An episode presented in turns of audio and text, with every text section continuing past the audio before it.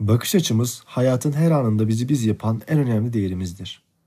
Ve öyle bir şey hayal edin ki bizi değiştirecek olan o değeri değiştirmek de bir tek kendimizin elindedir. Değişmek. Kulağa hoş geliyor değil mi? Hangi yönü olduğu bilinmese bile böyle bir maceraya yelken açıyor hissi veriyor. Peki değişim her zaman gerekli mi? Üstünde düşünülmesi gereken bir soru. Ama öyle bir şey var ki onu değiştirirsek belki gördüğümüz her şey değişir. Yine aynı şeylere baksak bile farklı şeyler görürüz.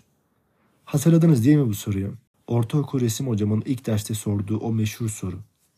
Görmek ve bakmak aynı şey midir? O zaman çok düşündürürdü bu soru bizi. Hatırlarsınız. Artık zaten gerek dünyada gerek bölgemizde yaşanan her olayda bakanların ve görenlerin farkını kolayca anlayabiliyoruz. Tabi bakmakta yetmiyor bazen. Bazen de bakış açımızı değiştirmek gerekiyor. Hatta önce şu repliği bir dinleyelim. Mahmut arkadaş, Nafiz arkadaş, bu arkadaşa söyle ele bakmasın arkadaş. Servet arkadaş başka tarafa bak.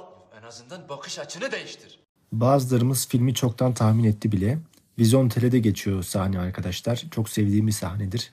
Sizi bilmem ama ben her şeyden ilham kapmayı seven biri olarak e, bu diyalogları çok seviyorum. Hiçbir şey yapamıyorsan en azından bakış açını değiştir diyor kısacası. Ben Hasan. Otantik Podcast başlıyor.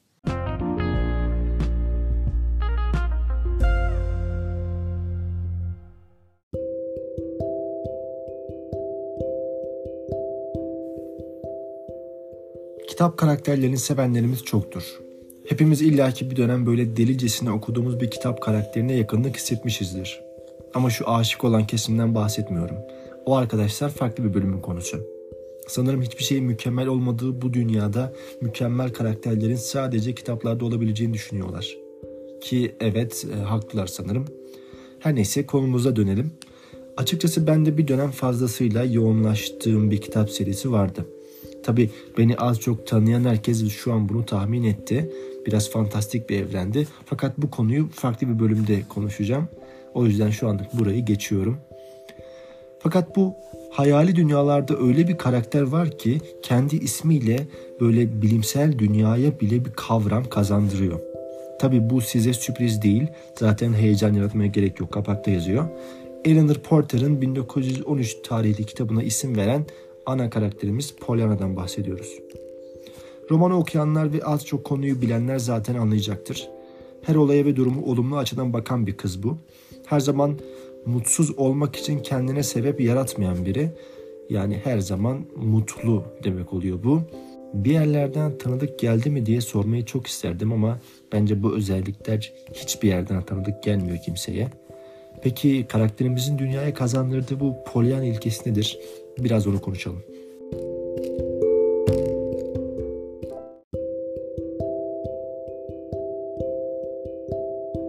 Pollyanna ilkesi insanın yaşamı olumlu bir perspektiften ele alma ve her durumda bir iyilik bulma eğilimini vurgulayan derin bir felsefi yaklaşımdır. Bu ilke aslında Pollyanna adlı bir karakterin hikayesinden türetilmiştir. Eleanor Porter tarafından yazılan Pollyanna romanı, ana karakter Pollyanna'nın zorluklarla dolu hayatında bile etrafındaki güzellikleri ve sevinçleri fark etmeyi başarırkenki hikayesini anlatıyor. Onun sahip olduğu olumlu düşünce tarzı sadece kendi yaşamını değil, aynı zamanda etrafındaki insanların yaşamlarını da değiştiriyor. Pollyanna ilkesi daha derin bir bakış açısını temsil eder. İnsanların yaşamlarında karşılaştıkları zorluklarla başa çıkmalarına ve içlerindeki gücü bulmalarına yardımcı olur. Her ne olursa olsun her durumda bir iyilik bulma yeteneği, insanlara olumsuzluklar karşısında bile umudu korumayı öğretir. Bu ilke bir bakıma yaşamın içindeki her olumsuzluğun bir ders veya bir büyüme fırsatı olduğunu kabul etmeyi ve bu deneyimlerden güç almayı öğretir. Polyan ilkesinin gücü insanların ruh sağlığına olan olumlu etkileriyle de öne çıkar. Olumlu düşünmenin insan psikolojisi üzerindeki etkilerini zaten tahmin ediyorsunuzdur. Depresyonu azaltır, stresi azaltır, genel ruh halinizi iyileştirmeye yardımcı olur. Pollyanna ilkesi insanların içlerindeki gücü keşfetmelerine ve zorluklarla başa çıkmalarına yardımcı olur. Bu ilkenin ayrıca toplumsal ve kültürel etkileri de vardır tabi. Toplum olarak Pollyanna ilkesini benimsemek ve olumlu bir bakış açısını teşvik etmek daha destekleyici, sevgi dolu ve mutlu bir toplum oluşturabilir. Pozitif bir toplumda insanların birbirlerini destekler, dayanışma içinde olurlar ve zorluklarla başa çıkmak için birlikte çalışırlar. Şöyle Türkiye'yi herkesin bir Pollyanna olduğu ülke olarak hayal ettim de gerçekten güzel şeyler çıkabilirdi. Sonuç olarak Pollyanna ilkesi yaşamı olumlu bir perspektiften ele almayı ve her durumda bir iyilik bulmayı teşvik eder.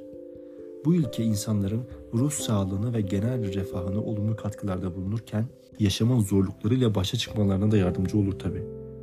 Pollyanna'nın sahip olduğu olumlu düşünce tarzı sadece bir karakterin hikayesi değil, aynı zamanda gerçek hayatta da birçok insanın günlük yaşamlarını değiştirmek için kullandığı bir güç kaynağı olabilir.